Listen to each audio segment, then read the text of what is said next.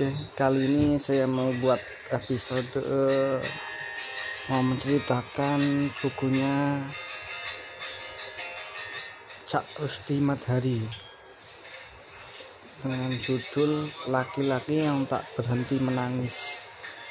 Jadi di sini tuh dalamnya berisi kumpulan kisah Islami penyejuk hati. Ya, jadi beliau ini penulisnya sudah almarhum beliau meninggal karena sakit kanker. Di buku ini di cover paling belakang ada kata-kata menarik berbunyi seperti ini. Ketika kebencian merajalela kedengkian meningkat dan fanatisme terhadap agama memuncak Cak Rusdi hadir membagikan kisah-kisah yang tak hanya menyejukkan hati melainkan mengajak manusia untuk berserah diri kepadanya oke lanjut. Next nanti ini masih mungkin trailer dulu, dulu untuk awal. Oke feeling good.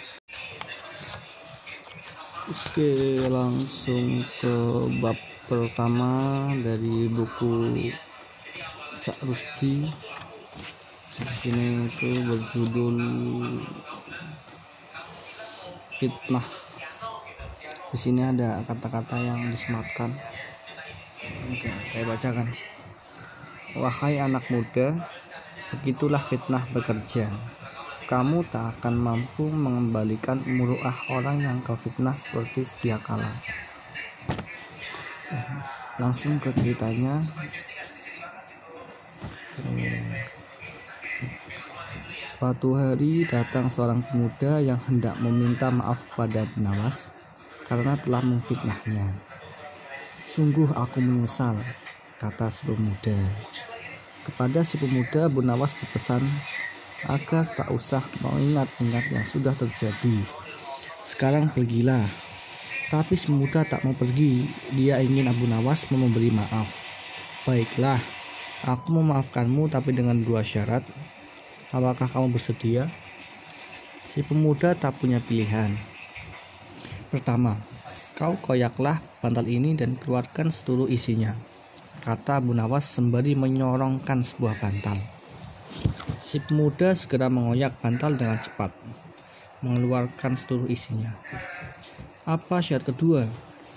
Sekarang, kau kutiplah kembali seluruh isi bantal itu dan masukkan kembali ke dalam bantal, kata Bu Nawas. Dengan lekas, pemuda memungut isi bantal yang telah menyebar ke mana-mana. Semakin lama dia memungut, semakin banyak isi bantal yang tak bisa dia masukkan ke dalam bantal. Aku tak sanggup. Wahai anak muda, begitulah fitnah pekerja. Kamu tak akan mampu mengembalikan muruah orang yang kau fitnah seperti sedia kala. Persis seperti isi bantal yang kau koyak lalu kau harus memasukkannya kembali ke dalam bantal. Biar beribu-ribu kali engkau meminta maaf, Beribu-ribu kali pula aku memaafkanmu, semua itu tak akan dapat mengembalikan muruahku yang telah kau renggut dengan memfitnahku. Sekarang kau pergilah. Tak perlu kau ingat-ingat lagi pernah memfitnahku. Tak usah kau merasa bersalah dan diamlah. Tak perlu kau berusaha menjelaskan kepada orang banyak orang. Kata Abu Nawas. Ceritanya udah selesai. Jadi, oh, jadi hikmahnya itu hmm, kita itu harus berhati-hati jangan sampai memfitnah orang.